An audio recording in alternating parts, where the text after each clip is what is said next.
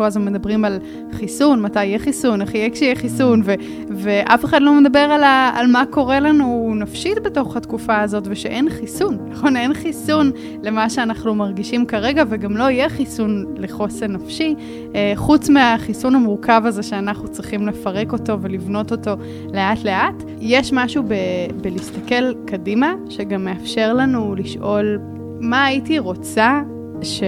שאני אספר על התקופה הזאת עוד עשר שנים. אני רוצה שהיא תספר שהתוכניות שלה לא התממשו והיא רק ישבה בבית והתמרמרה על המצב הזה ועל איך אה, הכל לא מסתדר לה והיא לא יכולה לפגוש חברים והכל חרא, או שאני רוצה שהיא תספר סיפור אחר. ובשביל כל אחד התשובה אולי תהיה תשובה אחרת. כל אחד יכול לבחור לו איזה סיפור משלו, אבל אז הסיפור הזה יצטרך להכתיב את, את ההתנהגות שלי אה, בפועל, היום, בתקופה הזאתי. נולדתם אלופים. יכול להיות ששכחתם את זה, אבל נולדתם אלופים. במהות שלכם כבני אדם. ושום תוצאה, ציון או לייק לא יוכלו לשנות את זה. אני איתן עזריה וזה הפודקאסט הביולוגיה של הווינרים, שבו תקבלו הצצה נדירה לעולמם המנטלי והרגשי של מספרי אחד בתחומם. ומפרק לפרק נחשוף מה נדרש כדי להפוך לבני אדם שלמים במסע להישגים, לווינרים, לא רק על סמך תוצאה או תחרות אחת, אלא במשחק החיים. אלופים מעצם היותכם, בדיוק כפי שנולדתם. ואם לרגע עברה בכם המחשבה שאתם עדיין לא מספיק מצליחים, אז תנו לי להזכיר לכם. הערך העצמי שלכם לא תלוי בתוצאות שלכם. מתחילים עכשיו. ברוכים הבאים לביולוגיה של הווינרים, והיום אני זוכה באהבה גדולה לארח את יהודית כץ. יהודית. שלום. מה העניינים? מה העניינים? It's complicated, כמו שאומרים. כן, כן, כבר לא עונים הכל טוב, כבר לא עונים יהיה בסדר, כבר לא עונים יותר מזה נשתגע. היום התשובה קצת אחרת. כן.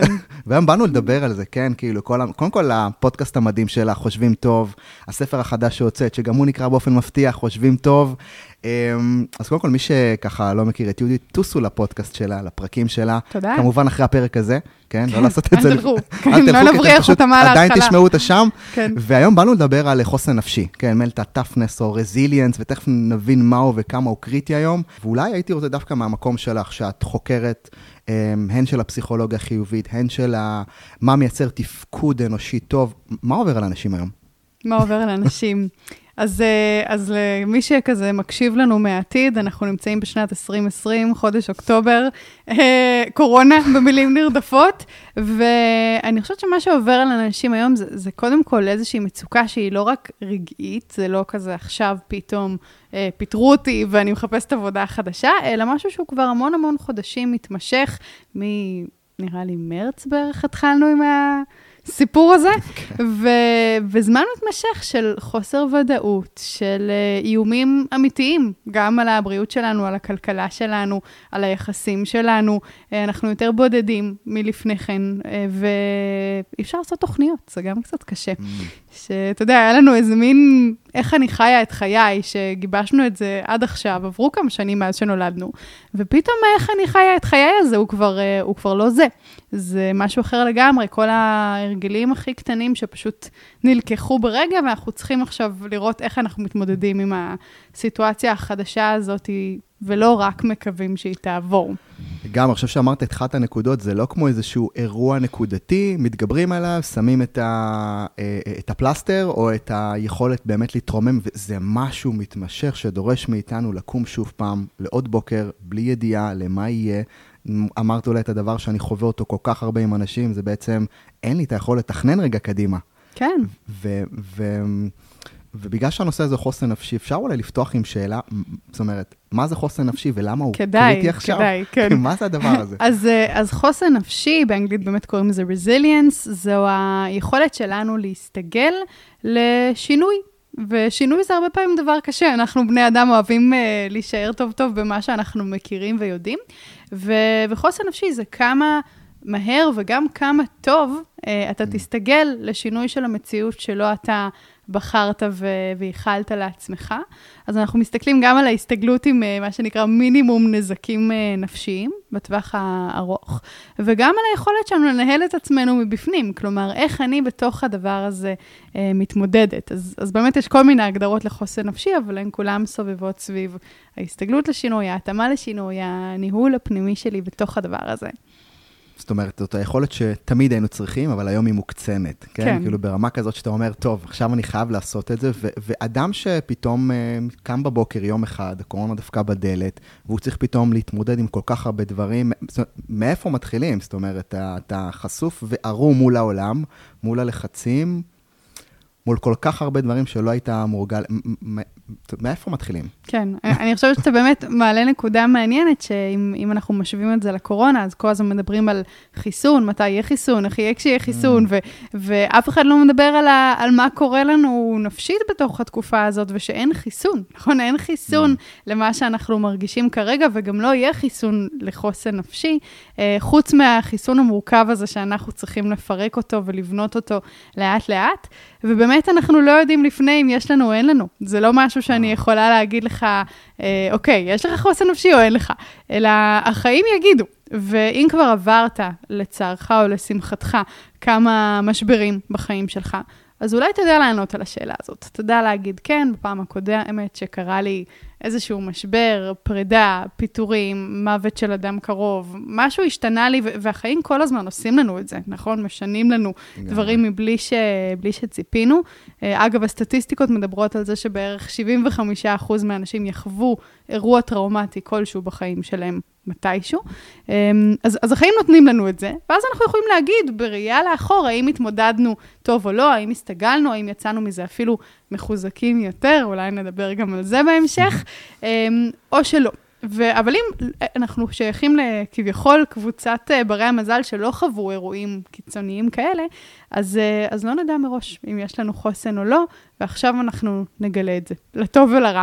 מדהים. כשאת עובדת עם אנשים, או מרצה, או בין אם זה עם ארגונים, מנהלים, לא משנה מה, ו, אמ, ואת מנסה או, או רוצה לבדוק מהי רמת החוסן של אדם. זאת אומרת, האם, ושאנחנו יודעים היום שיש דרכים ושאלונים ושאלוני הערכה, אמ, האם יש איזושהי דרך באמת, כי יודעת, גם למאזינים שלנו, לעשות איזשהו בדק בית עצמי עם עצמי, כדי להבין עד כמה אני חזק נפשית או מנטלית, זאת אומרת, בואו שנייה נלך אחורה, יש, יש כזה דבר? זאת אומרת, אז, בלי... אז אין מראש. כן. כלומר, אין משהו שאני יכולה לתת לך עכשיו ולנבא כן. אם במשבר הבא אתה mm-hmm. תתמודד טוב, אלא אם אנחנו עכשיו בתוך משבר.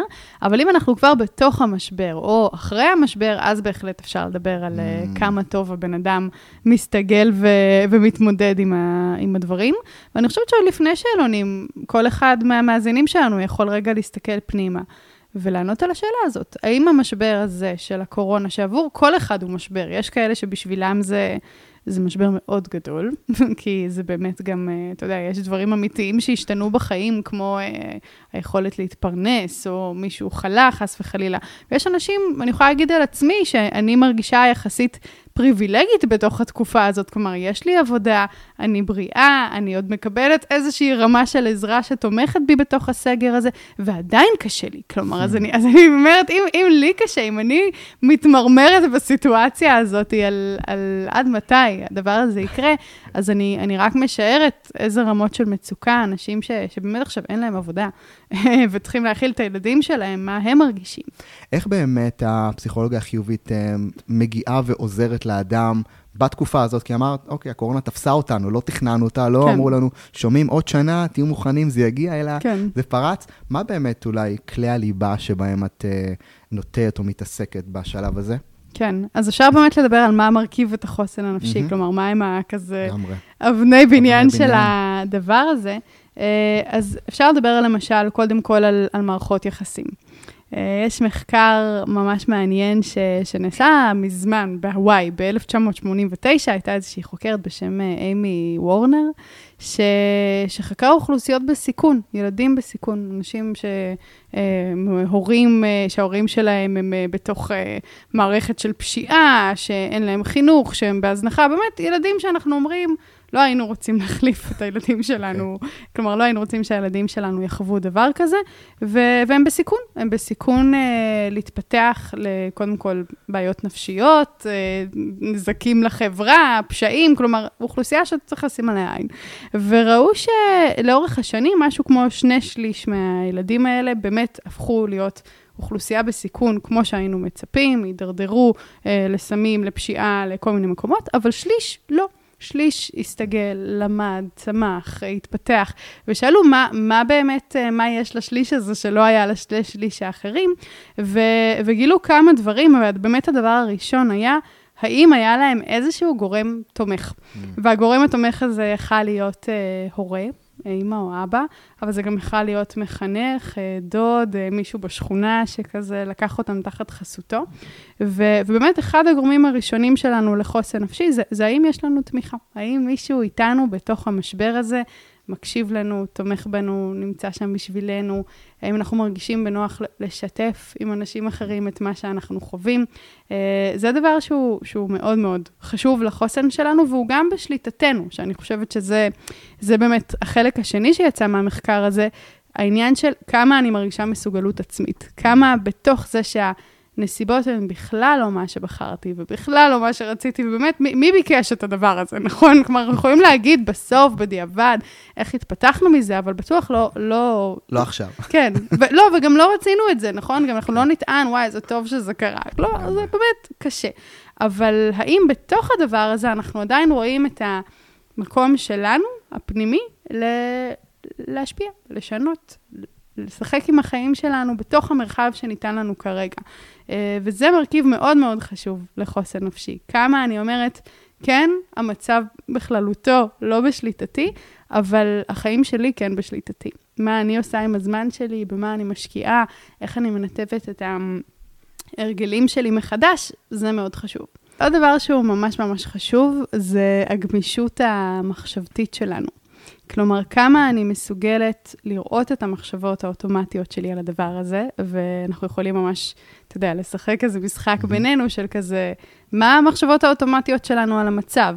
נדפקו לי החיים, אה, כל מה שרציתי לא התממש, אה, כזה, אני חסרת על. שליטה, בניתי על. אני יכולה לשתף שאנחנו הרבה זמן חלמנו לעשות uh, טיול של שנה מסביב לעולם.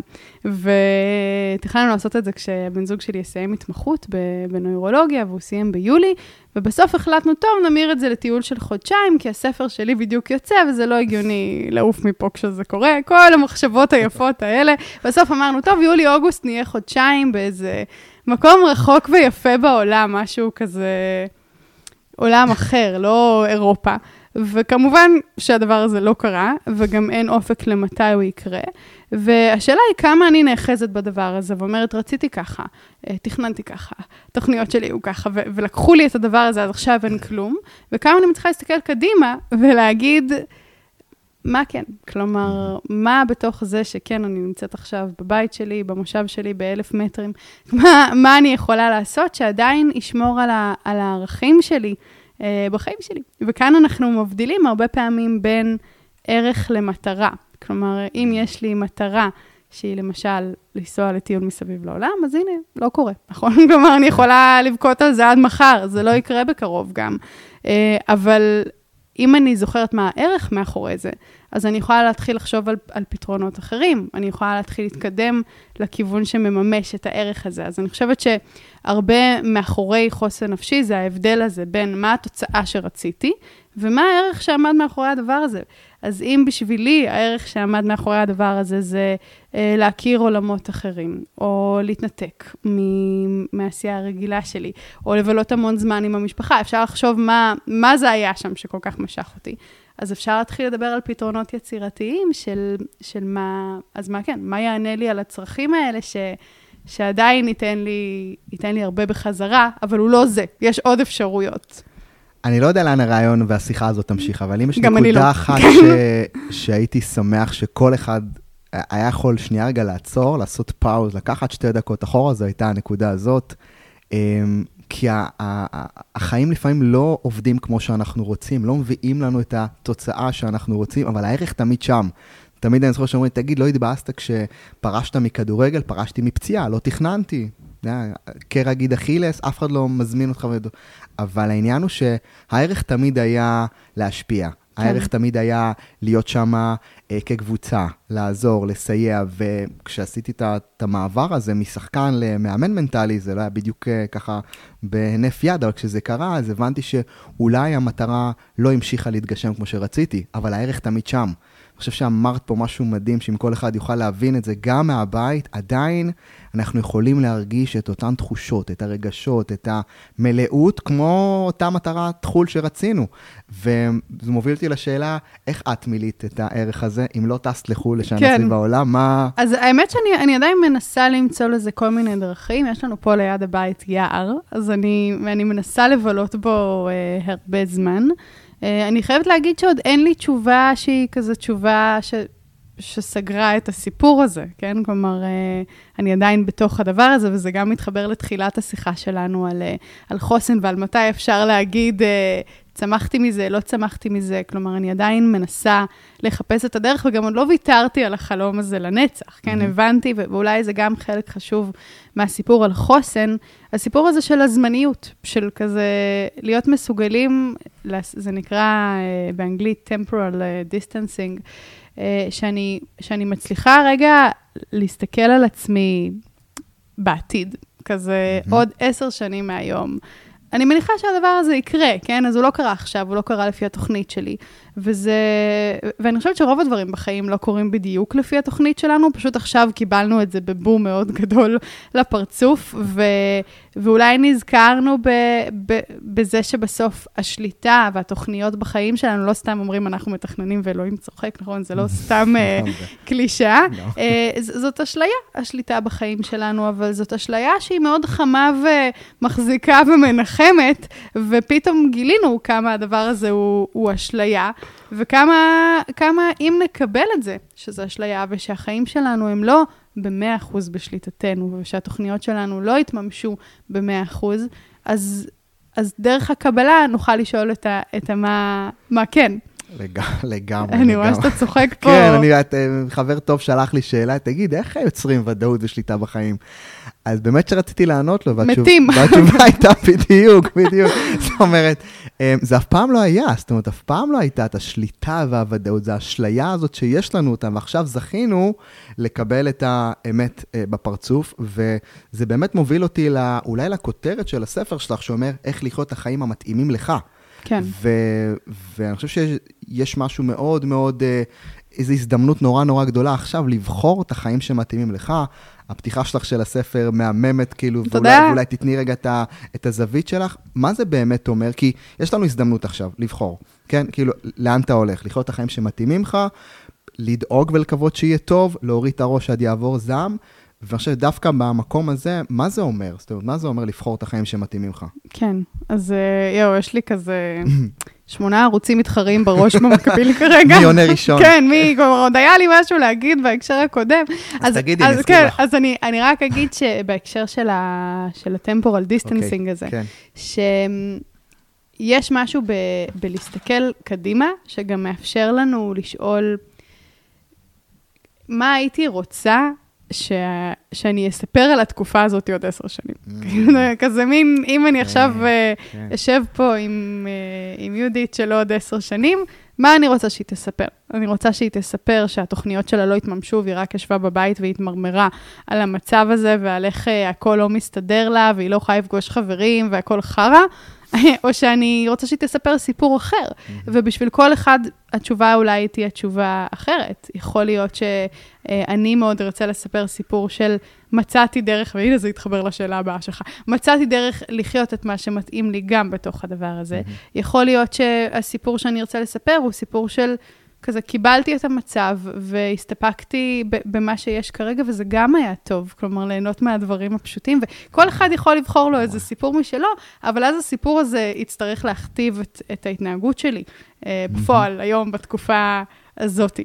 לגמרי, לא, אני, אני, אני מת על הנקודה הזאת, היא אדירה, בטח בעולם הספורט, אנחנו קוראים לזה תמונת הצלחה, mm-hmm. שאני בעצם קופץ שנייה לעתיד ואומר, מי זה הבן אדם שכבר השיג את האליפות, כן. שכבר השיג את המטרה, שכבר חי אותה, נושם אותה, לוקחים את זה אפילו ברמת הערך וההוויה, איך אני שם, איך אני מתנהל, איך אני נושם, חי ו- ו- ונע, ואז בוא נראה מה אני יכול להביא ממנו לעכשיו, ממש לקחת את האור הזה מהעתיד לפה. אז, וזאת שאלה טובה שאנחנו צריכים לשאול את עצמנו, האם אני חי היום, עד כמה שאני יכול בהלימה עם, ה- עם, עם תמונת העתיד הזאת, כן. עם האדם הזה שאני רוצה להיות. ועכשיו זה מוביל אותי לשאלה כן. אני יכולה להגיד באופן, באופן אישי שאני מאוד מנסה, לה, כזה מה שאני כל הזמן מנסה לחזור אליו בתקופה הזאת, זה לנסות למצוא את ה... את ה, איזשהו סיפוק כזה בלראות את עצמי מנהלת משבר. כלומר, יש פה סיטואציה, היא לא מה שבחרתי, היא לא מה שאני רוצה, אני מאוד אשמח שהיא תעבור, כן? כלומר, זה לא שאני אומרת, יאללה, בוא נישאר במצב הזה, אבל איך אני, איך אני יכולה למצוא את העונג בלנהל את הסיטואציה הזו ולהגיד, הנה, את בתוך הדבר הזה עושה דברים אחרת כ- כדי שזה יסתדר.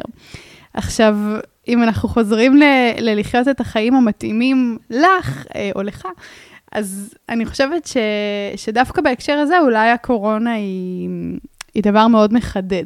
היא לא דבר נעים, אבל היא דבר, היא מראה מאוד מאוד גדולה, כי פתאום אנחנו בבית, ואנחנו שמים לב להרבה דברים שהחיים שלנו התנהלו על פיהם. יכול להיות שאנחנו שמים לב אה, איך נראית מערכת היחסים שלנו באמת. כלומר, כשאנחנו באמת מבלים יותר זמן ביחד, או כשאנחנו מתמודדים עם איזשהו קושי משותף, האם אנחנו הופכים להיות אה, כזה שותפים ובאמת תומכים אחד בשני, או שאנחנו הופכים להיות אה, אויבים בתחרות של מי עושה יותר ו... משהו כזה, ואנחנו רואים פתאום למה אנחנו מתגעגעים. כלומר, אני יכולה להגיד שבתקופה הזאת, הדבר שהכי חסר לי זה, זה חברים. כלומר, שאני אני רואה אותם משמעותית פחות, גם לא בסגר ראיתי אותם פחות ממה שראיתי אותם לפני כן. ו, וזה מין הדגשה מאוד חזקה לכזה, מה באמת חשוב לך, מה באמת חשוב לך. Uh, אם זה העבודה שלנו, אז יכול להיות שפתאום כשאנחנו עובדים מהבית, אז לא כזה מעניין אותנו לעשות את מה שאנחנו עושים. זה גם מראה, כן? עכשיו, אני לא אומרת שזו מראה נעימה, אני לא אומרת שזה משהו שבהכרח נעים לגלות אותו, אבל אולי זה לא רע uh, לגלות אותו. ו- ולחשוב, אז מה, אז מה כן? איך באמת מתאים לי לחיות? ובאמת בפתיחה של הספר אני, אני מדברת הרבה על זה שאנחנו חיים באיזושהי אינרציה. כזה, יש לנו יום אחרי יום, אנחנו יודעים כבר איפה אנחנו עובדים, עם מי אנחנו חיים, עם מי אנחנו נפגשים, מה ההרגלים שלנו, איך התרגלנו לחיות, ונדיר שאנחנו כזה עוצרים לרגע אחד ושואלים, למה? למה? כזה, למה בחרתי את זה ולא, כן. ולא את זה? ואנחנו רואים גם בסטטיסטיקות כל מיני נתונים מעניינים, כמו זה שהמון אנשים הולכים ללמוד באוניברסיטה, ואחרי זה אומרים, אה, זה לא הועיל לי בכלום. עכשיו, המת... המסקנה של זה, זה לא אל תלכו לאוניברסיטה חלילה. המסק... מישהו כתב לי פשוט, מה, אני ראיתי שאת כותבת שאת מעודדת לא ללכת לאקדמיה. אני כזה, לא, לא כתבתי את זה בשום מקום, חלילה, אני מאוד מעריכה את האקדמיה. אה, אני, אני רק אומרת, תעשו את זה מהסיבות הנכונות. או שאנשים עובדים המון המון המון שעות אה, בשבוע, כן, אנחנו בישראל גם מובילים במיוחד אה, בסטטיסטיקות בדבר הזה, ואז אנחנו רואים שכשאנשים בסוף חייהם מתחרטים על דברים, וגם על זה יש מחקר uh, מעניין שאפשר לספר עליו, uh, אז הם מתחרטים הרבה על, על זה שהם עבדו יותר מדי. כלומר, הלוואי והייתי עובד פחות קשה. אז, אז כל הדברים האלה שמראים לנו את הסתירה הזאת בין מה אנחנו באמת רוצים ואיך אנחנו חיים. כמה אנחנו דוחים את החיים ה-so called אמיתיים שלנו לאחר כך, לאיזה זמן אחר, פנוי יותר, עשיר יותר, נינוח יותר, יש גם uh, אשליה כזאת, שאגב, uh, temporal distancing, אז ש, שתמיד אנחנו מרגישים שבעתיד יהיה לנו יותר זמן. נכון, האני של העתיד הוא תמיד יותר, uh, אני תמיד יותר פנויה, ויותר יכולה לחשוב על דברים, ויש לי יותר סבלנות, וכאילו בעתיד הכל מסתדר לנו איכשהו, כן. וזה לא נכון, כי בעתיד אין לנו יותר זמן, אנחנו יכולים להבין את זה, כי... כבר אמרנו לאנשים, שבוע הבא יהיה לי פחות עומס, ואז הגענו לשבוע הבא ולא היה שם פחות עומס. אז לא יהיה משהו אחר בעתיד אם אנחנו לא נהיה אלה שאומרים, רגע, סטופ, יש לי איקס שנים לחיות בעולם הזה, ואני רוצה להפוך את האיקס הזה לכמה שיותר שלי, כזה כמה שיותר אה, מה שאני מאמינה בו, וזה, וזה לא אומר... אה, לחיות חיים מיוחדים, להיות איזה פתית שלג ייחודי, כזה, אני זוכרת שדיברנו על השם של הספר, אז, אה, אז היו המון דיונים, מה, מה, תהיה, מה יהיה ה subtitle? מה, כן. האם החיים המתאימים לך זה מספיק כאילו וואו, לשם של ספר? ואמרו לי, זה לא, תקשיבי, חיים מתאימים לך, זה לא מפוצץ, זה לא החיים המושלמים, זה לא החיים המדהימים, זה לא החיים שתמיד חלמת עליהם ולעולם לא עשית, אלא זה באמת משהו שהוא נורא... down to earth, ו- והיה לי חשוב שזה יישאר ככה, כי כן. אני לא חושבת שאנחנו צריכים לחיות איזה חיים אה, מרשימים, מיוחדים, אלא באמת, זה כזה, מה שאנחנו אומרים, אני חותמת על זה, זה שלי. כן. זו הגרסת חיים שלי. תקשיבי, זה לוקח לכל כך הרבה מקומות, וכן עולה לי דווקא, מה הפרק שאת הכי גאה בו בספר? כזה שאת אומרת, שכתבת אותו, את אומרת, אוף, זה בא לי מבפנים, ואם היית מוריד את כל הספר, זה היה הפרק, כאילו. אני יודע שזאת שאלה קשה, וואי, וואי. אבל אה, מה אכפת לך? שאר הפרקים לא ייפגעו. כן. אמ, וואי, זה כל כך קשה לענות על זה, אני לא יכולה. לא- לא- לא- לא מסוגלת לבחור. כלומר, אני יכולה להגיד, אני אתן כמה, בסדר? אני אקח. את השליף של רמות ולתת כמה תשובות. כי מי מי יעשה לי משהו? אז, אה, אז אני מאוד אוהבת את הפרק על אה, יצירתיות, שבאמת מתקשר מאוד לנושא שלנו היום, של אין דרך אחת לממש את מה שחשוב לנו, ומי שידבוק בדרך אחת, הוא ייתקע. sooner or later, יגיע החורף, קשה לרוץ, נכון? כזה, כל פעם קורה משהו כן. ש, שתוקע לנו את הדרך הידועה, ואנחנו חייבים לראות עוד אפשרויות, לטפח את הגמישות המחשבתית הזאת. אה, אז זה פרק שאני מאוד מאוד מחוברת אליו. אה, יש גם את הפרק על כמה שהחיים שלנו הם אה, קצרים, שכזה, אנחנו לא נחיה לנצח, ושווה לזכור את זה. כזה, מסתבר שלהיות מודעים לזה שהחיים שלנו הם סופיים, זה לא רק מדכא, אלא לפי המחקרים זה אפילו מעורר את הרצון לחיות. ויש על זה, האמת, מחקרים ממש ממש יפים, שמראים שכשאנחנו נזכרים במוות, אז אנחנו, אנחנו דווקא כזה רוצים יותר לחיות. כן. זה לא מדכא במובן של אוף, כולנו נמות, כי אנחנו יודעים שנמות, אבל אנחנו קצת שוכחים את זה ביום-יום, נכון? אנחנו כן. כזה אומרים, טוב, זה לא עכשיו, זה מתישהו. הדבר הזה אי שם, כן, מתישהו. בגיל 100, כן. אני, אני אמות, כשבפועל אנחנו לא יודעים מתי, מתי הדבר הזה יקרה, וכשאני זוכרת שהחיים שלי הם, הם לא בשליטתי, ויכול להיות שאני באמת אמות בשיבה טובה בגיל אה, 120, כמו שאומרים, ויכול להיות שזה יקרה הרבה הרבה לפני, ושכדאי לי לשים לב ש, שאני יכולה כל יום, כן, לא צריך כל דקה, אבל להגיד, כן, החיים האלה הם, הם איך שאני רוצה לחיות, לא דחיתי את עצמי לאיזה זמן אחר. אז, אה, אז זה גם פרק שאני מאוד מחוברת אליו. אה, ופרק אחרון שאני אתן ברמאות שלי לתשובה, זה, זה הפרק על הזמן, אה, שמדבר על, על להסתכל על הזמן שלנו כ, כ, בתור המשאב הכי הכי יקר שיש לנו. ויש אה, ציטוט של, אה, של סנקה, אולי אני אקריא אותו פה. יאללה. יאללה. אז סנקה, שהוא בעצם פילוסוף בן אה, אלפיים שנה, אה, פילוסוף סטואי, שבאמת כתב דברים שרלוונטיים עד היום בצורה מדהימה. אז, אה, אז הוא כתב, לא יימצא אדם השש לחלוק את עושרו, אבל את חייהם מחלקים כולם לכל דורש. הם קופצים ידם בשמירה על נכסי אבותיהם, אבל כשהדבר מגיע לבזבוז זמן, הם מתגלים כפזרנים הגדולים ביותר בעניין היחיד שבו הקמצנות ראויה לכל שבח. גדול. אז, אה, אז הוא באמת אומר את זה יותר יפה ממני, שאנחנו אנחנו הרבה חושבים על הכסף שלנו, נכון? אם, אה, אה, לא יודעת, הלוויתי לך 5,000 שקלים, אז אני, אני אזכור את זה, נכון? אני אהיה כזה, מתי הוא מחזיר לי? הוא עומד להחזיר לי, אני אשאל אותך על זה מדי פעם, אבל אם הזמינו אותי לאירוע, נגיד כמה חתונות הלכתם בחיים שלכם, שאמרתם, אין לי שום רצון להיות כאן, כזה, ש- הוא לא ידע שבאתי. כן, מה, מה אני, לא יודעים שאני כאן, זה לא, הלוואי ולא היו מזמינים אותי פשוט. אז את הזמן שלנו אנחנו פשוט מחלקים כאילו כלום, בצורה מובנת מאליה, אה, למרות שהזמן הוא באמת המשאב הכי יקר שיש, כי זמן שהלך הוא זמן שלא ישוב. לא. משנה כמה נהיה מוכנים לשלם על זה, גם מיליונים לא יקנו לנו עוד זמן. אני חושב שבהמשך הספר, בהמשך הפרק הזה, גם את מדברת על זה שאם היינו- מתייחסים לזמן שלנו כמו לכסף, בהמשך לזה, אז החיים שלנו היו נראים אחרת, כי זה נראה כאילו, אוקיי, הקדשתי את הזמן, ודווקא עכשיו, כביכול נכפה עלינו, אמ, אחד, לבלות זמן במערכות יחסים שהן היו שורשיות, והן שורשיות שלנו, משפחה. והדבר אולי הכי מפחיד אנשים, אני קצת מגלה את זה לאחרונה, זה לבלות זמן עם עצמם, שזה, רגע, שנייה, רגע, אני צריך עכשיו רגע לשאול את עצמי מה באמת בא לי, מה אני רוצה, וחשוב שכאילו כל הנקודות האלה זה, כי חוסן נפשי הוא לא הדבר האחד, הוא סך משאבים שלמים שמרכיבים את התחושה הזאת. נשאל שאלה ככה אולי קצת גדולה, לא שלא עשינו את זה עד עכשיו, חוסן נפשי מנבא הצלחה? אה, למה אתה מתכוון כשאתה אומר הצלחה? חוס, אם יש לי חוסן נפשי, זה מבטיח לי תוצאות? מה זה תוצאות? תראה, זה מבטיח לך אה, בריאות נפשית טובה יותר. נראה לי שזאת הצלחה בהרבה מאוד מובנים. אה, זה מבטיח לך דבקות יותר גדולה ב, ב, בערכים בחיים שלך, כי יש לך עוד אה, על מה להישען, עוד דרך להתמודד. אה, זה מבטיח לך יותר מסוגלות עצמית של, כמו שדיברנו, להגיד, אוקיי, מה בשליטה שלי, מה אני יכולה לעשות הכי, הכי טוב.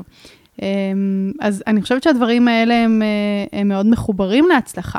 כן, אני לא, לא יודעת להגיד אם הם מבטיחים הצלחה ואיך אנחנו כן. כרגע מודדים הצלחה, אבל uh, אני בהחלט חושבת שזה מצרך שהוא מצרך מבוקש בימינו, ושעצם החוסן הוא, הוא חוויית הצלחה. כלומר, אם אני מסתכלת אחורה על סיטואציה קשה שעברתי, ואני אומרת, יצאתי מזה uh, טוב, ואולי אפילו טוב יותר, מחוזקת, אז, אז זה הצלחה, מה זה אם לא הצלחה? כלומר, זה בעיניי הצלחה שהיא... היא יותר גדולה מכל הצלחה עסקית או אה, כזה הישגית, כי זה באמת אה, הצלחה בדבר הזה שנקרא חיים. כן, כן. אה, דיברת בספר שלך באחד הפרקים על אחד ה...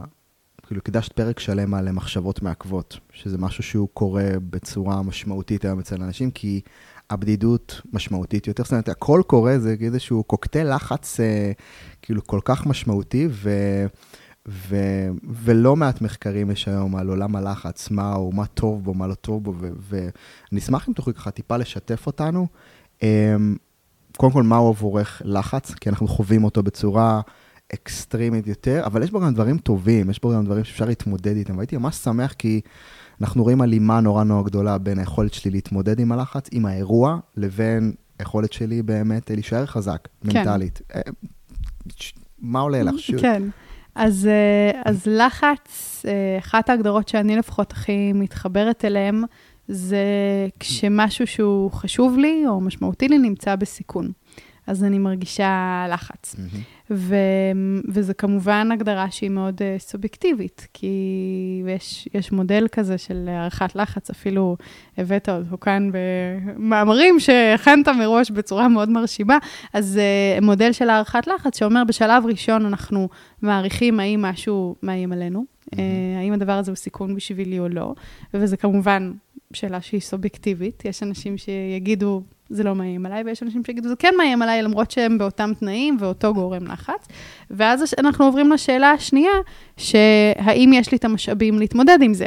ואם אני מרגישה שיש לי משאבים, אז אני לא בלחץ, כי אני אומרת, אוקיי, יש פה בעיה, יש לי את הזמן, את האנרגיות, את היכולות, את הכסף, את כל מה שאני צריכה כדי לפתור אותה.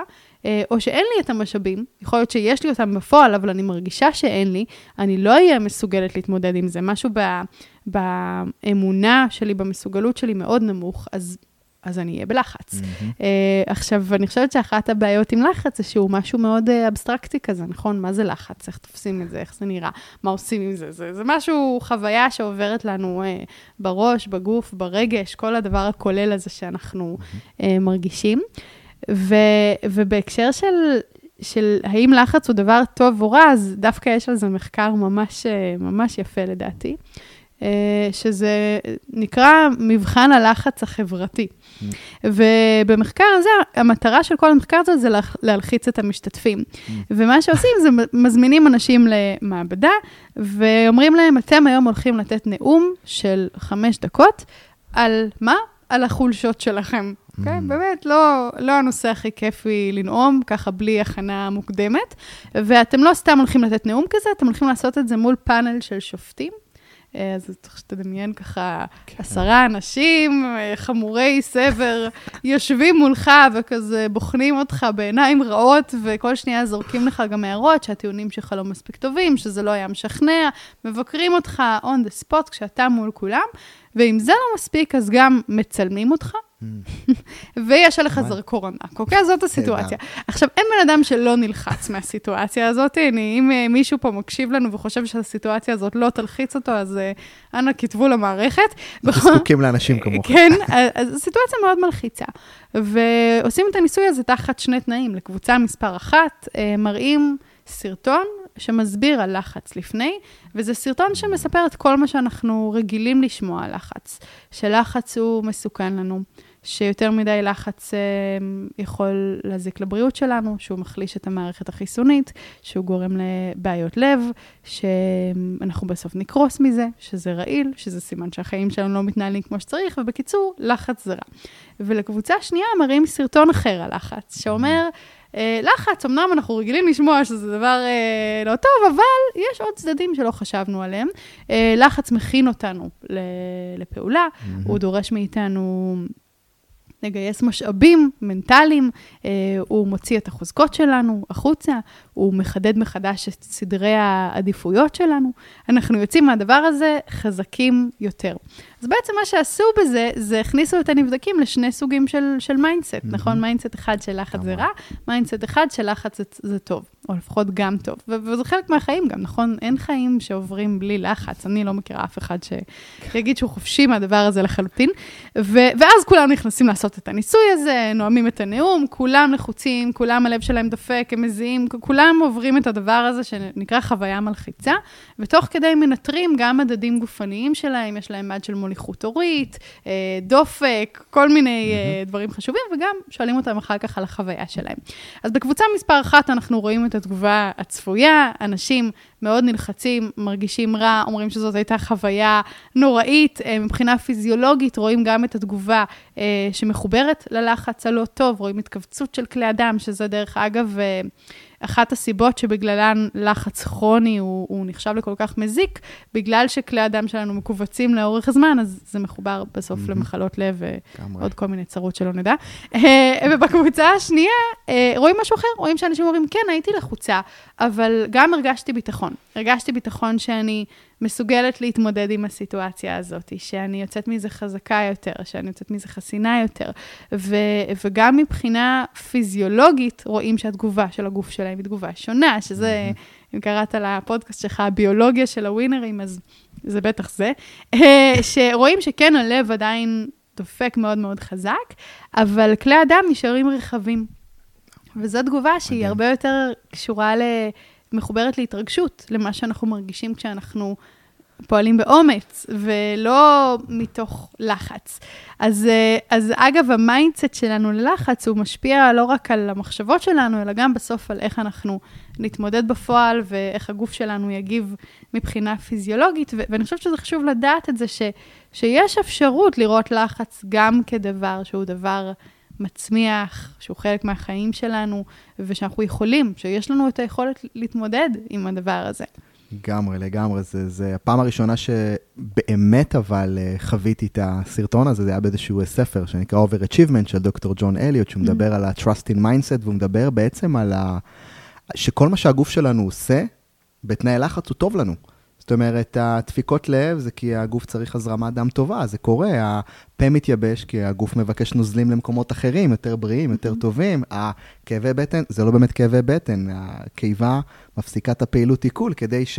באמת נלך לשירותים mm-hmm. ונשתחרר, זאת אומרת, זה לא לרעתנו, ואני mm-hmm. חושב שמה שאת מביאה פה אולי הוא, הוא איזושהי תובנה קריטית לכולנו, שהפרשנות ללחץ, השגויה היא מקור הלחץ.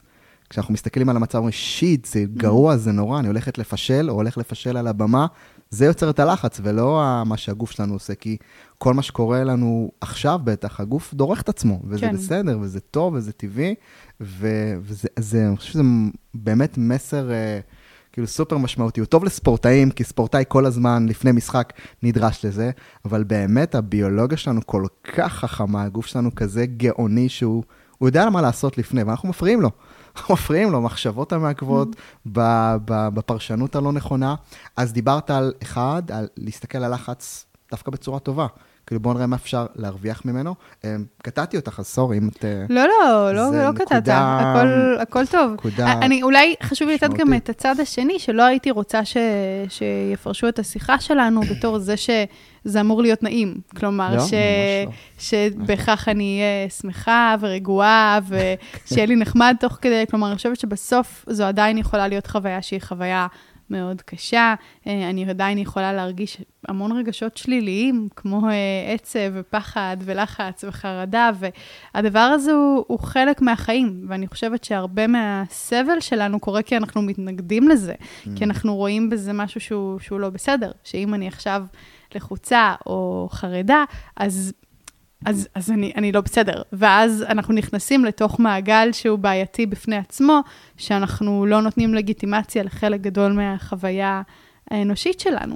אז חשוב לי כזה, לצד כל השיחה הזאת, להגיד שגם אנשים מאוד מאוד חסינים, שעוברים תקופות קשות, שאפילו יוצאים מזה מחוזקים, ואולי ניתן איזה מילה על mm-hmm. צמיחה פוסט-טראומטית עוד רגע, הם, הם אנשים שחווים גם רגשות שליליים, וש... אם אנחנו לא נהיה מוכנים לקבל את זה שזה חלק מהתמונה, אז אנחנו, אנחנו רק נעשה לעצמנו עוד יותר נזק. כי אם אני, אם אני כועסת עכשיו על זה שאני מרגישה רע, אז עכשיו אני לא רק מרגישה עצובה, נגיד רגש ראשוני, מזה שהחיים שלי לא מתנהלים כמו שחלמתי, אלא אני גם מרגישה אשמה על זה שאני עצובה. ואז יש לי כבר עוד רגש שניוני, שהוא לא...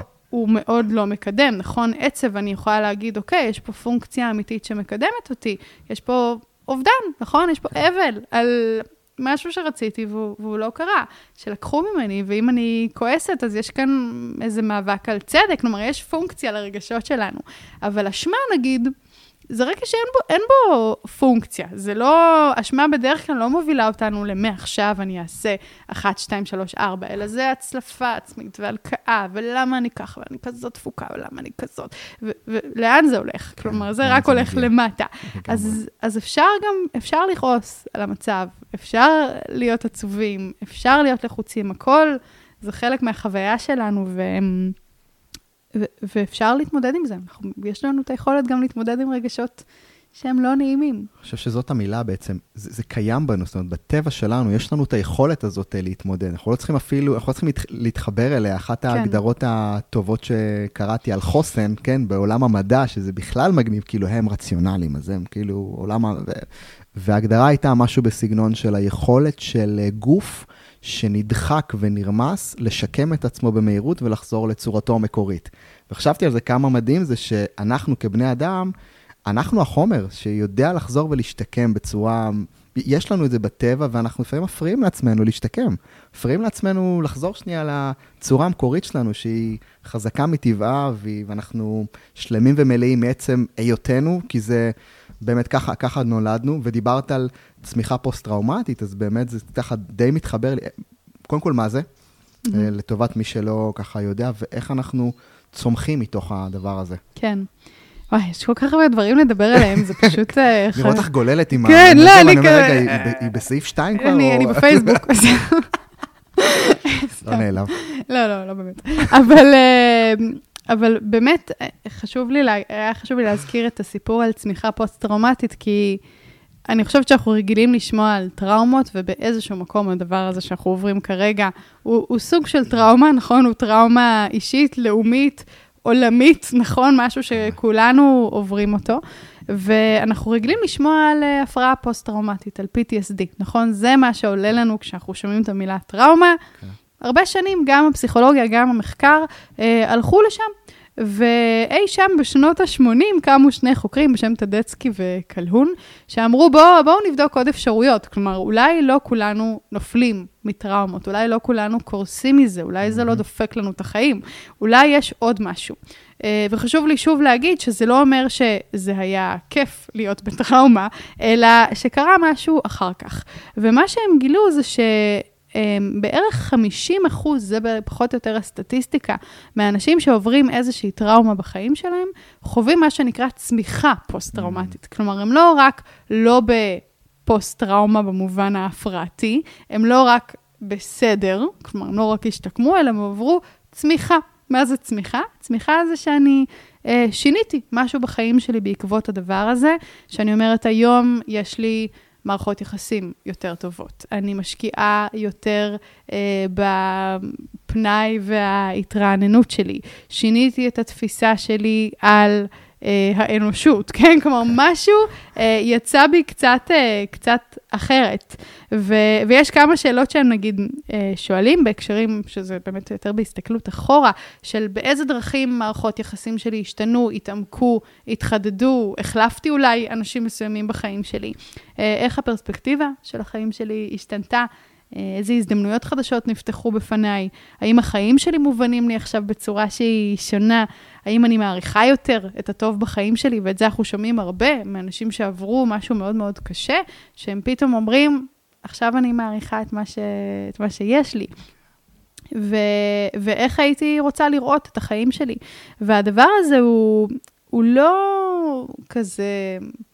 חיובי ושמח במובן המקפצץ של איזה כיף שעברתי את הדבר הזה. כי, כן. כי טראומות זה באמת דברים שהיינו מעדיפים להגיד, הלוואי וזה פשוט לא היה קורה. כאילו, זה, זה לא טוב שזה קרה, אבל נוצר מתוך הדבר הזה משהו חדש, וזה מה שמאפיין את הצמיחה הפוסט-טראומטית, ויש איזה, איזה מטאפורה שהיא היא, היא לא שלי, אבל אני אוהבת להשתמש בה בהקשר הזה, שזה קצת כמו מראה שנשברה. כלומר, יש לנו איזה מראה או אגרטל או לא משנה מה, שנשבר. אם אני אנסה להדביק אותה בדיוק אותו דבר כמו שהיא הייתה קודם, זו תהיה מראה מזעזעת, נכון? כלומר, זו תהיה, יהיה מלא חתיכות שבכל זווית התמונה שלי תישבר, וזה לא יהיה משהו טוב, המראה הזאת. אני לא מנסה לחזור לחיים הקודמים שלי, וזה גם מתחבר למה שדיברנו עליו כן. בהתחלה, על הלא להסתכל אחורה, אלא להסתכל קדימה, אלא אני לוקחת את השברים האלה במטאפורה, ואני בונה מהם משהו חדש. אולי אני לוקחת את שברי המראה ובונה מהם איזה אגרטל, אולי אני עושה מזה מוזאיקה, כן, כל אחד ומה שמדבר אליו בעולם הדימויים שלו, אבל המשהו החדש הזה הוא חדש. כלומר, יש עכשיו יצירה חדשה, שהיא לא... מסתכלת ואומרת, רציתי להיות ככה פעם, אלא יש משהו חדש.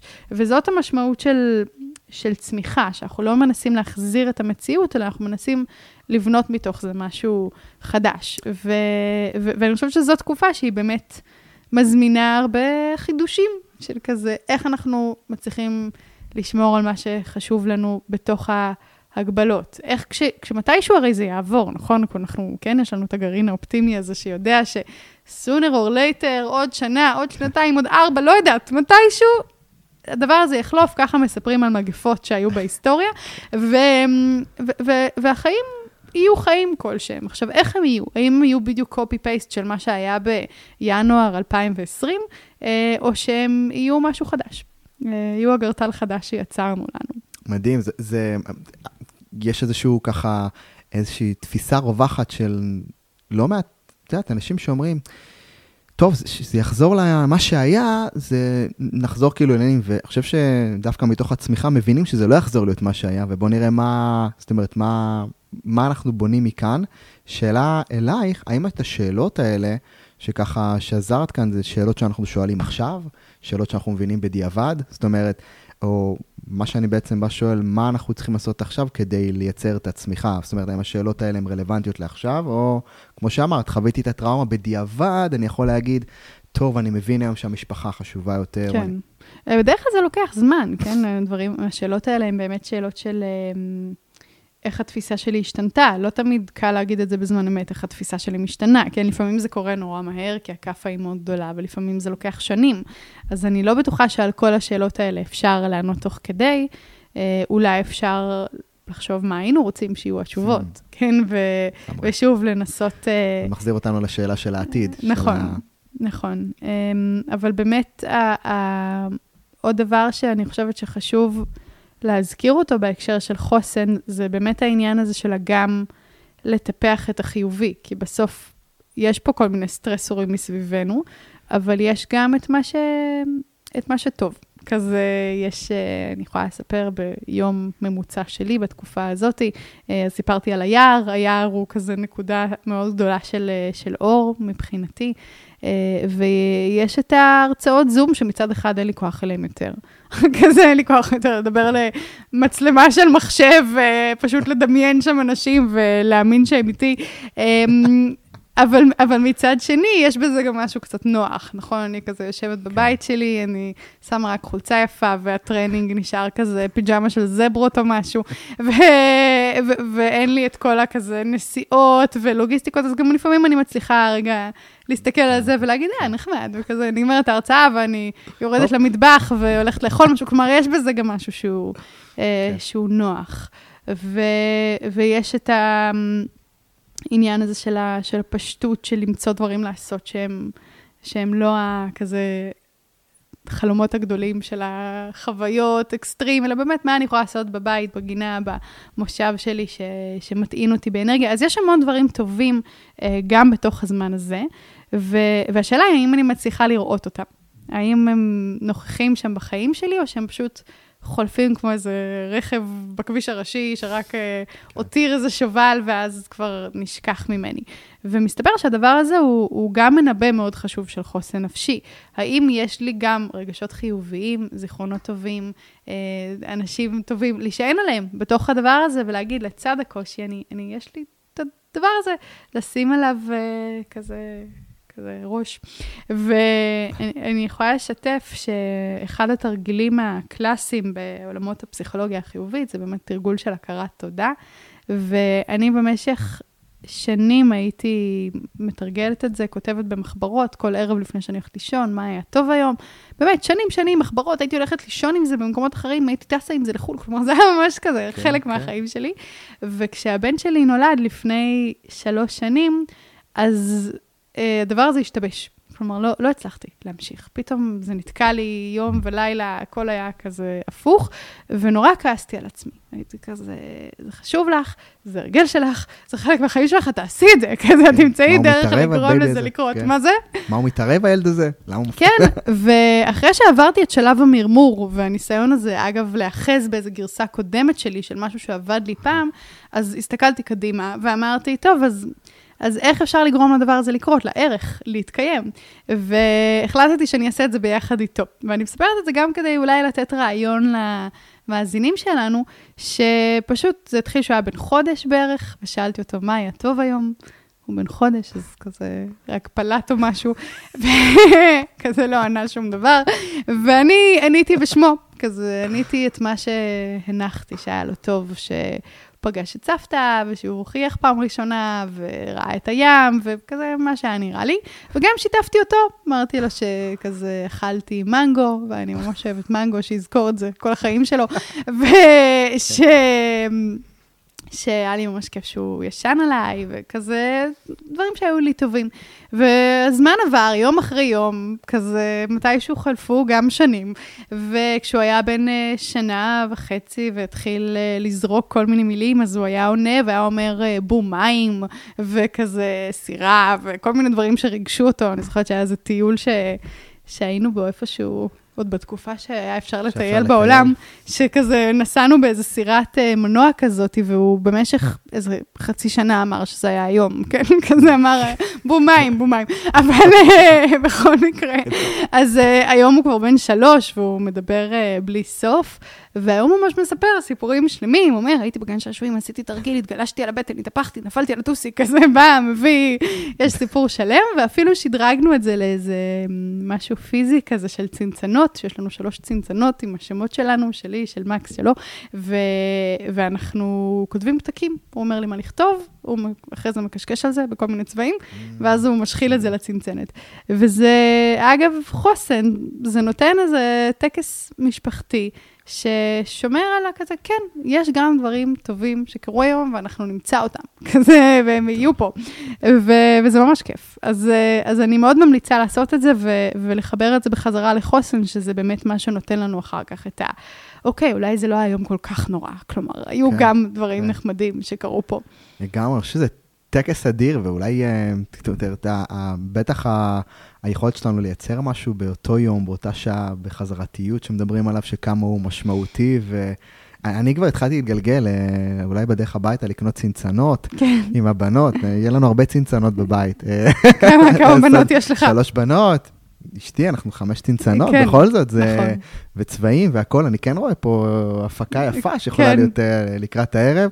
פשוט אצלי זה לא יהיה פתק אצל הבנות, יש לי, אנחנו צריכים המון מחברות. כן. אתה שואל אותה מה, איך היה היום, זה, זהו, אתה, זה, צריך, ל... צריך קלדנית לידינו, בקיצור, אה, שזה טוב שזה יהיה.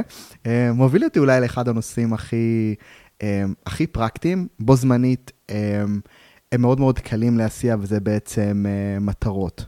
והקשר בין מטרות לחוסן נפשי, כי הוא מייצר נורא נורא, כמו שדיברנו על זה בהתחלה, עשייה שנובעת מתוכי, דברים שבשליטה שלי. ו... ובשלב הזה, או שאתה אומר, רגע, דברים שרציתי לא התממשו, והציפיות שלי לא התממשו, וזה נורא נורא מאכזב. ואני רואה אצל הרבה אנשים איזושהי התפרקות ברמת ה... טוב, הדבר הגדול שתכננתי לחיי, להיות מיליונר עד גיל 30, לייצר את ההצלחה העסקית ההיא, או בכלל ספורטאי שיושב עכשיו בבית, וכן הייתי שמח אם תוכלי לשתף איתנו, כי יש דרך להציב מטרות. ועכשיו יש לנו זמן מדהים להציב אותם אולי מחדש, או להיות גמישים ולדייק אותם שוב, לשייף אותם. מה נכון לעשות עכשיו עם מטרות? אז באמת, אם אני מחברת את זה לחוסן נפשי, אז, אז הנושא הזה של, של משמעות, שהוא מתחבר למטרות, הוא מאוד, אה, מאוד קריטי. כלומר, האם בתוך הדבר הזה עדיין יש לי סיבה לקום בבוקר. כלומר, אה, גם אם אני כבר לא מחזיקה בעבודה שהייתה לי, גם אם אה, כל הסדר יום שלי השתבש, האם עדיין יש לי סיבה לקום ולהגיד, זה מה שאני עושה היום, זה מה שחשוב לי, על זה אני עובדת. והדבר הזה הוא משהו שאנחנו יכולים לייצר. ויכול להיות שהמטרות האלה יהיו מטרות אה, קצרות טווח, של כזה מטרה לחודש הקרוב, מטרה, וזה יכול להיות מטרה ארוכת טווח, אבל מאוד חשוב לא להאחז במטרה יותר מדי, כי אני חושבת שהתקופה האחרונה לימדה אותנו באופן אה, קצת כואב, שדברים לאו דווקא יקרו כמו שתכננו, וקשה לעשות תוכניות אפילו לעוד אה, שבוע, נכון? אנחנו לא יודעים, כן? אה, יוסרו הגבלות, לא יוסרו כן. הגבלות. כלומר, אנחנו כזה למדנו ש... אי אפשר לעשות תוכניות מאוד ארוכות טווח כרגע. זה לא אומר שלא כדאי לעשות אותן, זה רק אומר שאפשר לעשות אותן עם כזה... to hold them lightly, כלומר, שיש לי את המטרה הזאת, אבל זה גם בסדר אם היא לא תקרה, או אם היא תשתנה, ויהיה לי איזה backup plan של דרך אחרת לממש את הדבר הזה. אז אני לא ממליצה לשחרר ממטרות, כי למטרות יש תפקיד פסיכולוגי מאוד חשוב בחיים שלנו, של... משמעות שיש לנו סיבה לקום, לעשות, לעבוד, בלי זה אנחנו, אתה יודע, אני קם בבוקר ומה? כזה, על מה, מה אני עובדת היום, מה אני עושה, למה? למה לי לא להישאר פשוט במיטה כל היום ולהיות בפייסבוק? אז, אז אנחנו צריכים מטרות, אבל באמת לזכור ש, שיש מצב שהם לא יקרו. ו- וזה נכון גם בחיים שלנו תמיד, נכון? אם נדבר על ספורטאים שיש להם מטרה לזכות uh, מקום ראשון באולימפיאדה, אז לא בטוח שזה יקרה. נכון? יכול להיות שהם יהיו מקום אחרון, יכול להיות שהם יהיו מקום שלישי, יכול להיות שהם ישברו את הרגל לפני ולא יוכלו בכלל להתמודד. אז המטרות שלנו, אף אחד אף פעם לא מבטיח לנו שאנחנו נגיע או לא נגיע, או שבכלל נגיע להזדמנות של לראות אם אנחנו מצליחים או נכשלים, אבל, אבל זה חשוב שעדיין תהיה מטרה. ושבאופן קונקרטי היא גם תהיה משהו שמאוד ברור לנו מה אנחנו עושים. כזה, אני כואבת לקרוא לזה רק להיום, כזה כמו okay. אוקיי. הנרקומנים האנונימיים, זה מאוד מאוד חזק. אז מה המטרה שלי היום? מה הדבר החשוב האחד ש... שהולך איתי היום, שאני אומרת, אם זה יקרה, זה מבחינתי יום מוצלח. יום מוצלח. כן, כן, אני חושב שזה אולי באמת ה... אפשר כל כך לחפור בזה, ודווקא הפשטות הזאת מייצרת איזשהו, אוקיי, אני כאילו, אני יכול לעשות את זה. אם היה מסתיים, מהו הדבר האחד שהייתי עושה אותו, מבצע אותו, היה מוגדר כיום מוצלח? כאילו, בא לי לשאול אותך עוד מלא שאלות על מטרות, אבל נראה לי שזה כל כך... אה, זה מה שנכון עכשיו, מטרות קצרות טווח, אפילו ברמה יומית, לא שבועית, אני, אנחנו באמת חיים באי ידיעה של מה יקרה. עם זאת, זאת מתנה הכי גדולה בעולם, אני חושב, שיש לנו איזושהי שליטה למשהו אחד, שאם נסיים את היום והוא יוגדר מוצלח כהתקדמות, זה לפעמים משהו שכשיש לנו מטרות גדולות, אנחנו לא עושים אותו. כן. נכון? כאילו זה, יש לי מטרות גדולות, יש לי את הזמן, אנחנו לא תמיד עושים את הדבר האחד. עכשיו אין לנו ברירה, אלא לעשות אותו. נכון. הרבה פעמים כשאנחנו שומעים מישהו אחר מדבר על, אה, על חוסן נפשי, אז זה יכול להישמע הכי כזה, כאילו, כן, החיים שלי מושלמים. והם לא. כלומר, אה, באמת, אה, גם התקופה הזאת בשבילי היא... היא תקופה כזה לא, לא פשוטה, ואני רוצה להגיד את זה כי, כי אפילו עם כל הכלים שיש לי, ואפילו שאני מנסה לתרגל, ואפילו שאני רואה את הדברים האלה, אני, יש לי המון ימים שאני מבואסת מזה, ואני מוצאת את עצמי, פתאום פוגשת אה, איזה בן אדם שהוא אני, שהוא לא הגרסה שאני מכירה. ויש בזה, בזה בפני עצמו משהו שהוא מאוד קשה, שכזה יש לנו את המי אני, נכון? אנחנו רגילים לתפוס את עצמנו במובן מסוים, ואז אנחנו פוגשים אני אחר, והאני הזה קצת מאכזב אותנו. אנחנו אומרים, זה לא, הלו, זה לא, זה לא מי שאני מכירה, וזה גם לא מי שאני רוצה. זה גם לא מי שאני רוצה להיות. אז, אז אה, התקופה הזאת היא, היא באמת לא... לא תקופה שהיא, שהיא קלה, אני חושבת שלא לאף אחד, ו, ובטח שיש בתוכנו מגוון מאוד גדול, אבל חשוב לי שגם ניתן את הלגיטימציה ל, לדבר על הקושי, לקבל עזרה, לפנות לטיפול. כלומר, באמת כל דבר שכזה יכול אה, לתת מקום לזה שכן, זה, זה לא קל, ו... זה לא מה שהתכוונתי לדבר עליו עכשיו, אבל גם רציתי להגיד ש, שיש משהו מנחם ב, בחמלה העולמית הזאת, שזה באמת לא רק אני בתוך השיט הזה כרגע, כן, אלא כל בן אדם שאני פוגשת כרגע, בין אם הוא בארץ ובין אם הוא בכל מקום בעולם, לא קל לו עכשיו. ואני ממש זוכרת חוויה שנחרטה בי, שהעברתי איזו סדנה לאנשים בברזיל, באמת, בצד השני של העולם, והם דיברו על החוויות שלהם בתקופה הזאת עכשיו, וזה היה נשמע כמו מה שאנחנו עוברים.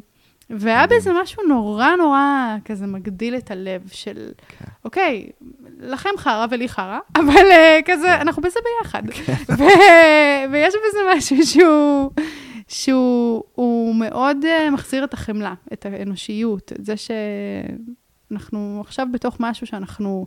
אנחנו נעבור אותו, אבל אנחנו עוברים אותו ביחד. ביחד. אז, אז בעיניי זה כזה גם פרספקטיבה לזכור אותה, והיה לי חשוב גם לומר שלחוסן שלנו יש איזשהו, איזשהו גבול, לצערי. כלומר, זה לא שאנחנו יכולים לקבל מכה אחר מכה אחר מכה אחר מכה אחר מכה, ושתמיד אנחנו כזה, יאללה, ננער את האבק, נכון, יש את השיר הזה של מוקי, אני נופל וקם, נופל כן. וקם, ראש פורה. אז זה לא, זה לא שאנחנו תמיד ניפול, ו... לא... כן. ניפול ונקום, אלא המחקרים מדברים על זה שיש פחות או יותר ארבעה עד חמישה משברים משמעותיים שבן אדם יכול לעבור בחוסן ולצאת מזה מחוזק יותר, עם יותר יכולות, ושאחר כך הסיכוי שלנו להתמודד הוא, הוא יורד. כלומר, אה, יש גבול לכמה אנחנו יכולים אה, לקום אחרי עוד אגרוף ועוד אגרוף, אבל שהדרך הדרך באמת לתרגל את החוסן שלנו, היא, וזה אולי החלק האופטימי לאמרה הזאת, זה שזה להתמודד עם קושי.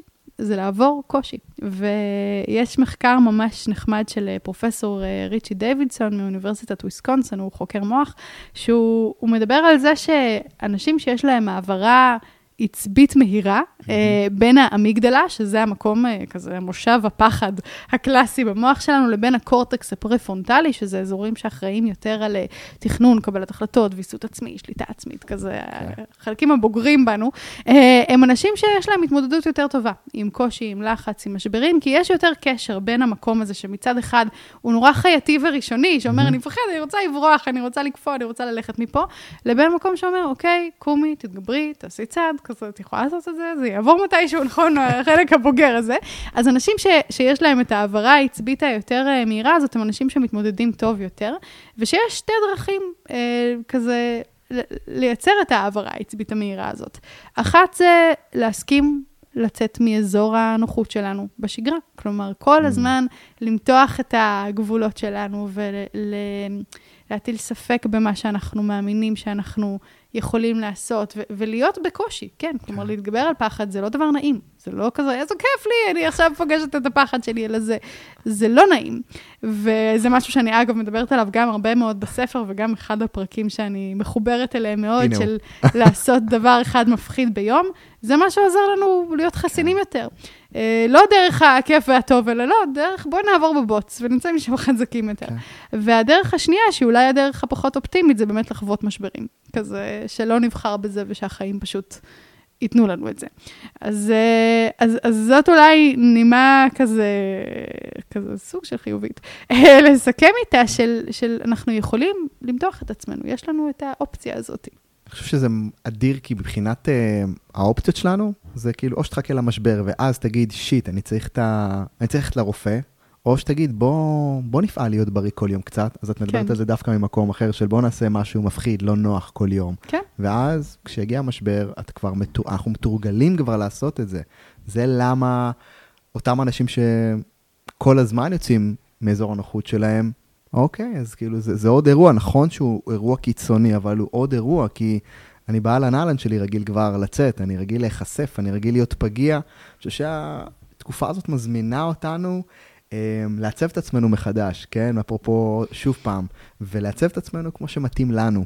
וכמו שמתאים לנו, האמת היא לעשות המון דברים שאולי לא עשינו. ואני חושב שזו הזמנה אדירה. אז יש פה כאילו כמו איזשהו שילוב בין אה, בוא קבל רגע את המצב, אל מול בוא, בוא, בוא נצעד. אחרת, כאילו, אין צ'אנס אחרת ל- ל- להתקדם. אה, בא לי לשאול אותך, יש עוד איזה נקודת תרגול משמעותית שאת מרגישה שהיא קריטית כדי לתרגל את החוסן המנטלי שלנו ביום-יום? אה, אני חושבת שיש משהו שהיה פה הרבה בין השורות, ואולי לא אמרנו כן. אותו בצורה מספיק מפורשת, אה, זה כל הנושא של מיינדפולנס. שבעצם מיינדפולנס, אם צריך להסביר מה זה במילה, משפט אחד, זה הנוכחות ברגע הזה, בצורה שהיא לא שיפוטית, שהיא כן מקבלת, כן סקרנית, שואלת מה, מה יש פה עכשיו. ויש משהו בנוכחות הזאת, בכאן ועכשיו, שהוא נורא פשוט. כלומר, זה לא כל הבאסה על מה שרציתי ולא השגתי, וזה לא מתי זה כבר ייגמר, וכמה זמן החוסר ודאות הזה, והייאוש הזה שלפעמים כזה פוגש אותנו כשאנחנו מסתכלים קדימה ולא יודעים מתי זה יעבור, אלא באמת עכשיו, עכשיו הכל בסדר, נכון? אנחנו יושבים פה, אנחנו מדברים, יש רוח חמודה כזאת בחוץ, יש כל מיני צלילים של ציפורים, הכל בסדר. ו... והחזרה הזאת לרגע הזה היא משהו שהוא הוא, הוא קודם כל נותן פרופורציות, כי בסוף החיים שלנו זה מה שקורה ברגע הזה, נכון? זה לא מה שקרה אתמול וזה לא מה שיקרה מחר, אלא זה הזמן שקורה כרגע, זה החיים שלי. ו, וזה מאפשר לי להתרחק קצת מכל השיפוטים האוטומטיים שלי, על מה בסדר ומה לא בסדר, ואיך זה היה צריך להיות, והמצב הזה טוב או לא טוב, וכל הזמן שמים איזה כותרות. וכשאני שואלת מה קורה עכשיו, אז, אז זה מה שקורה עכשיו. אז תרגול של מיינדפולנס, באמת נתנו את זה פה רק במילה, אבל אני חושבת שהוא הוא עלה פה הרבה תוך כדי דברים שאמרנו, של להטיל ספק במחשבות שלנו, לראות עוד סיפורים, אה, להתמקד ב, ביום הזה, ברגע הזה, בכאן כן. ועכשיו. זה באמת משהו שאני אומרת, אה, כזה, הנה משהו שאפשר לקחת את התקופה הזאת, אם כבר אנחנו בבית ופחות מתרוצצים ממקום למקום, זמן קבוע לתרגול, סשן קצר, עשר דקות, חמש דקות של רגע לעצור, להתמקד בנשימות, אה, לשים לב מה קורה לי בגוף, לראות אם אני יכולה להתבונן על זה קצת יותר מהצד וקצת פחות להיות מעורבבת בתוך הדבר הזה. אה, זה נראה לי דבר מאוד חשוב לחוסן שלנו. אין לנו צ'אנס אדיר כמו עכשיו לבחור את החיים. שוב mm. פעם, מחדש, לעשות איזה ריאורגניזציה, ו...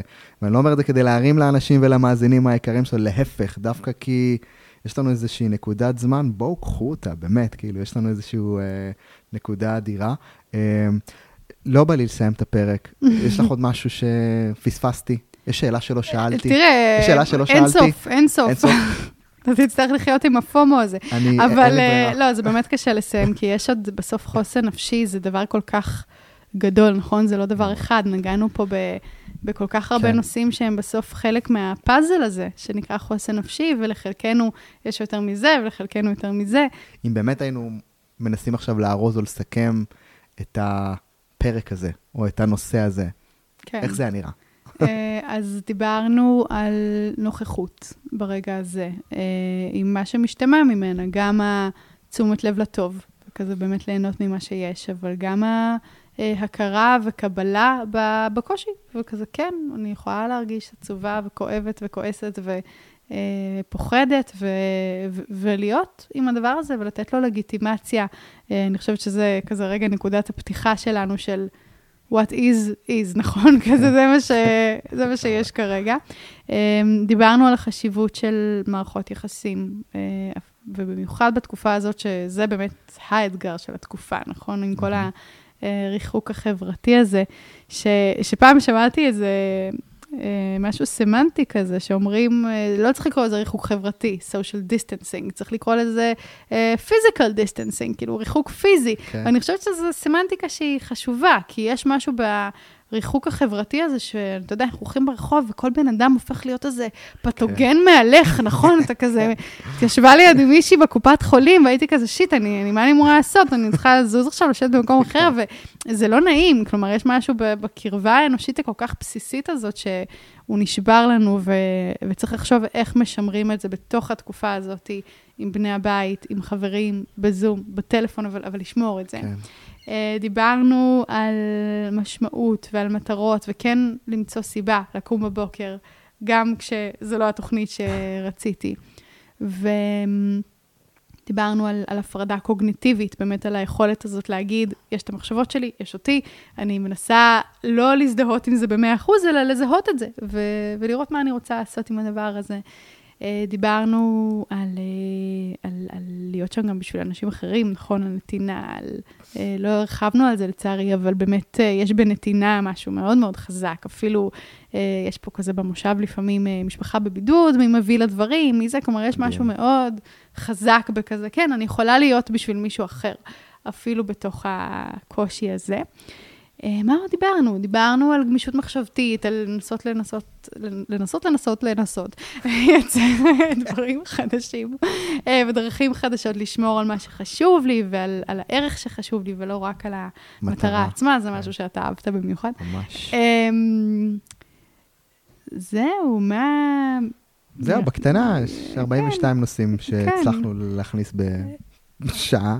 כן, דיברנו על הזמן, על הרצון הזה לחיות את החיים גם בתוך, uh, בתוך מגבלות. אגב, מגבלות זה מנבא של יצירתיות, כלומר, בסוף אנחנו חייבים הגבלה בשביל יצירתיות. אז, לגמרי, לגמרי. אז באמת האתגר להיכנס לחשיבה האחרת הזאת, שהיא לא חשיבה של אין לי, אלא חשיבה של איך, איך אפשר. איך אפשר, שכן. כן. אני חושב שאחד ה... המשפטים או השאלות ואני שנייה אשלוף את הספר שלך. אין בעיה.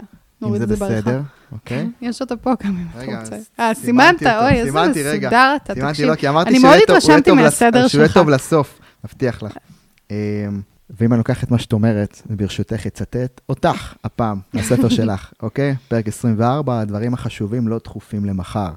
פרק אדיר לדעתי, ויש פה שאלה אדירה שאני חושב שכולנו, אני לא אגיד חייבים עכשיו, אני לא עכשיו אעשה לאנשים על חבל, אבל כן, אנחנו רוצים לשאול אותה דווקא עכשיו. השאלה אומרת השאלה הבאה, לאיזו משימה יש את ההשפעה הגדולה ביותר על חיי? שאלה לשאול את עצמנו, למה אני עושה את זה, אוקיי? וגם, וזאת השאלה אולי, מה יקרה אם אני אבחר פשוט לא לעשות את זה?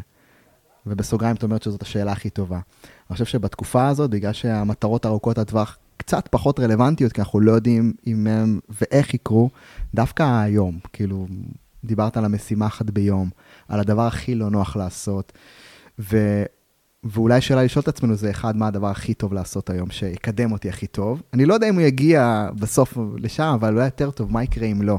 וזאת שאלה שאני מת עליה, כי אנחנו לפעמים יותר טובים בלהבין, אוקיי, שיט, מה יקרה אם אני לא אעשה את הדבר הזה? מה יקרה אם אני לא אעשה את החצי שעה ספורט בבוקר? מה יקרה אם אני לא אכתוב את מה שאני רוצה? מה יקרה אם אני לא אביע את עצמי היום? ואני חושב שכשאנחנו עונים על זה, יכולים להגיד, אוקיי, בוא נתחיל לייצר ניצחונות קטנים, ושם החוסן, המסוגלות נבנית, ו... ואני חושב שזה לפחות ככה, את יודעת, חלק מהמתכון, כן, הגדול הזה שאנחנו מדברים עליו, אולי לחיים קצת יותר טובים במקום הזה. ואני באמת רוצה להודות לך על ה... באמת על הזמן שהקדשת אה, אה, בכתיבת הספר, בפודקאסט, לעולם, לפרק הזה שלנו.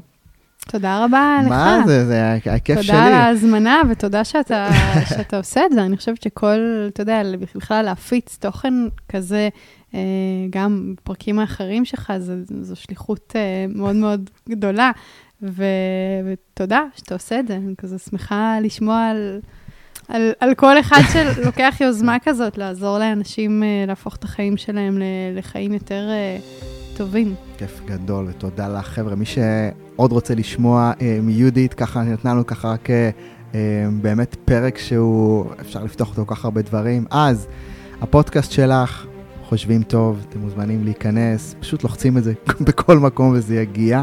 אוקיי, נכון, יש את העמוד שלך בפייסבוק שהוא נהדר, ואת הספר כמובן, אני ממליץ בחום. איזה כיף אמ, שקראת אותו כבר. שציטטת פה מחלק כן, יחסית בסוף. ספורטאים שלי רכשו אותו לא בידיעתי.